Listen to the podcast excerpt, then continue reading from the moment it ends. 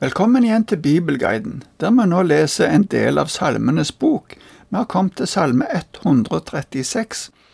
Denne salmen er en lovprisningssalme med en oppbygning som tyder på at den har blitt brukt i gudstjenesten.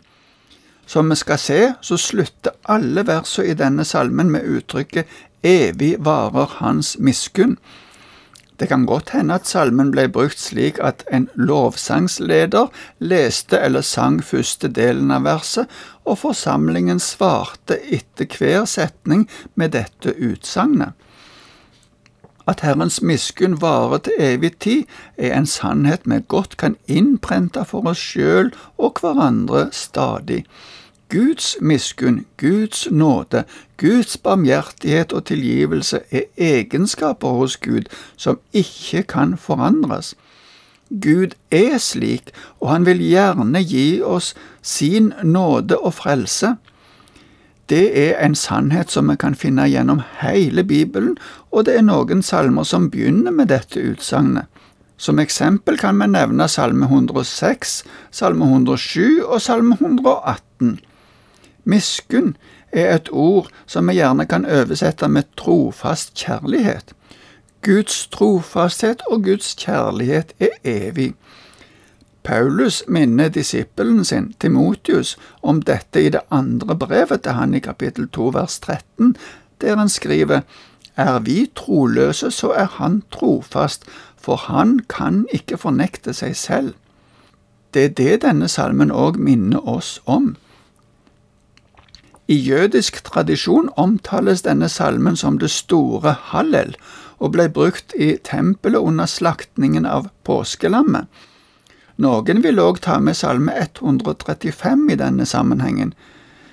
Vi ser jo at den har litt av samme oppbygning som denne salmen, men uten det faste utsagnet om Herrens miskunn som blir gjentatt i hvert vers i salme 136. Salme 135 henviste først og fremst til Gud som skaper og videre som frelser for Israel. Noen vil òg ta med alle salmene ved festreisene i det store Hallel. Ordet Hallel betyr lovprisning. De første tre versene er en generell oppfordring til å prise Herren og vise til hvem og hvordan Han er. Han er god, han er opphøya, og han er herre over alle herrer. Vi leser disse tre versene. Pris Herren, for han er god. Evig varer hans miskunn. Pris ham som er Gud over alle guder. Evig varer hans miskunn. Pris ham som er Herre over alle herrer. Evig varer hans miskunn. Det første ordet som i vår bibel oversettes med pris Herren, er på noen språk oversatt med å takke Herren. Ordet innebærer å bekjenne noe offentlig. Det er et vanlig ord for lovprisning, og det brukes 67 ganger i salmene. Noen ganger er det også brukt om å bekjenne synd. Men her kan vi si at det er en oppfordring til å erklære eller holde fram glede over at Herren virkelig er Herre. Begrunnelsen er at Han er god. Miskunnheten som nevnes i fortsettelsen, nevnte vi også som et uttrykk for Guds vedvarende kjærlighet, og som uttrykk for Guds karakter. Det er dette denne salmen understreker for oss hele tida. I vers to står det at Gud er Gud over alle guder. Norsk bibel oversetter dette med gudenes gud.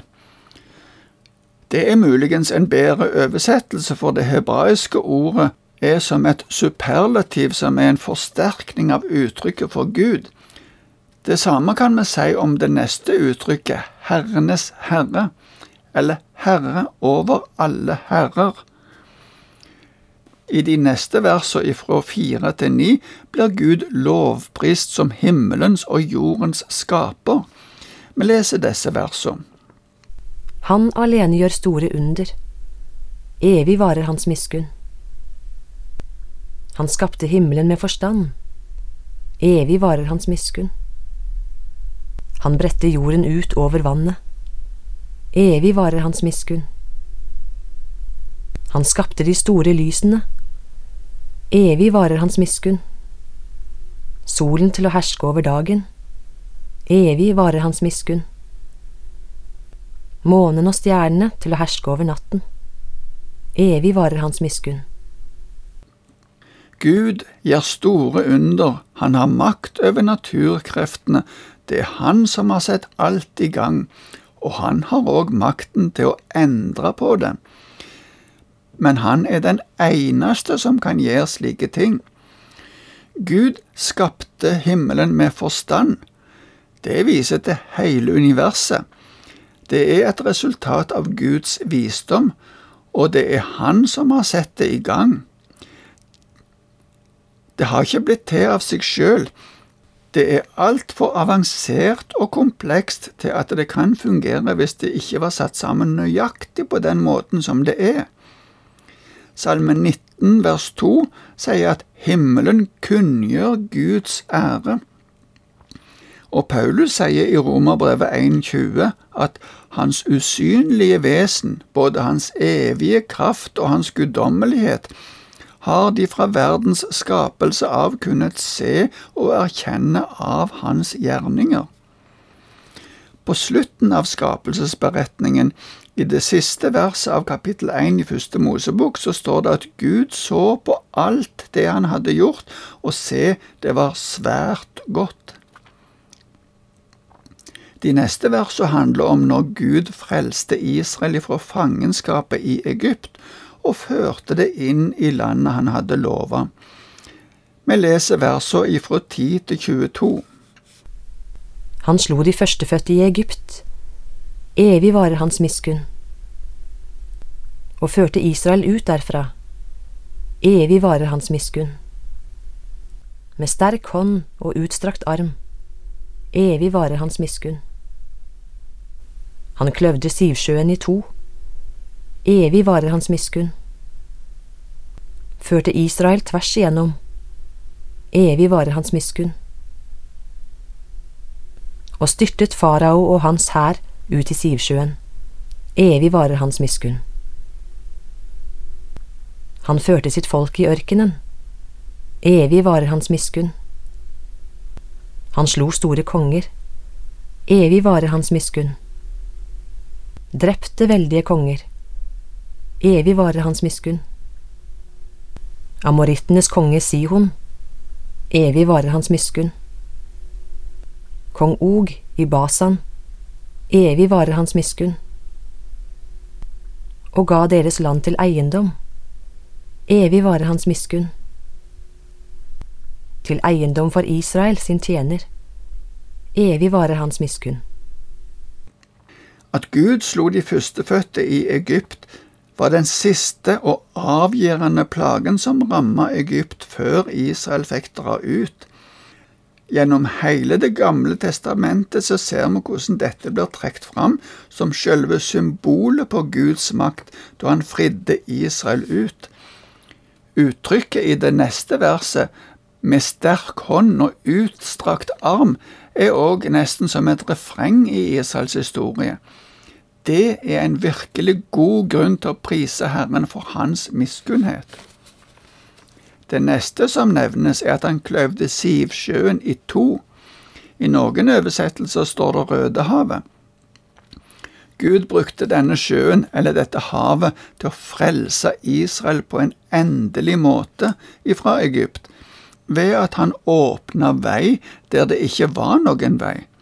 På den måten viste han også sin makt til å gjøre ting som for mennesker var helt umulig. Så fikk Israel gå tørrskodd over, eller gjennom havet, og så brukte Gud det samme havet til å dømme Egypt og hele faraos hær. Slik er det òg nå. Det samme som frelser Guds folk, de som har tillit til Gud, blir brukt til å dømme de som ikke tror på Han. Evangelisten Johannes uttrykker dette slik i kapittel 3 vers 17 og 18. Gud sendte ikke sin sønn til verden for å dømme verden, men for at verden skulle bli frelst ved ham. Den som tror på ham, blir ikke dømt. Den som ikke tror, er allerede dømt fordi han ikke har trodd på Guds enbårne sønns navn. Salmen fortsetter med å nevne at Gud førte Israel gjennom ørkenen, og før de nådde fram til det lova landet, var det noen konger som kjempa mot Israel, og Herren hjalp Israel til å vinne over dem, slik at Israel også fikk dette landet til eiendom. Også under Josva og erobringen av landet på vestsida av Jordan var Herren med og lot Israel vinne en mektig seier. Til slutt minner salmen oss og Israel om at Herren alltid husker på sitt folk. Det aller siste verset er en avsluttende oppfordring til å prise Gud, men vi leser det òg i samme slengen, så da leser vi fra vers 23 til 26. Han tenkte på oss da vi var fornedret. Evig varer hans miskunn. Og rev oss ut av våre fienders vold. Evig varer hans miskunn.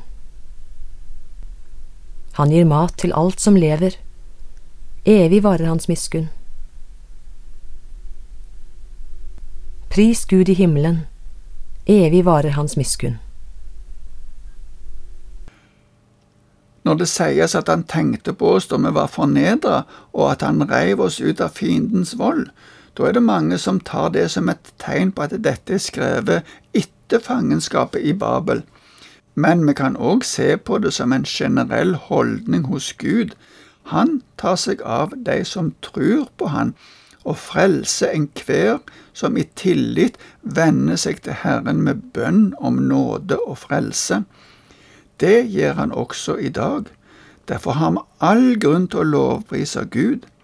Sjøl om Han er i himmelen, ser Han vår sak, og Hans miskunn, Hans nåde, varer til evig tid.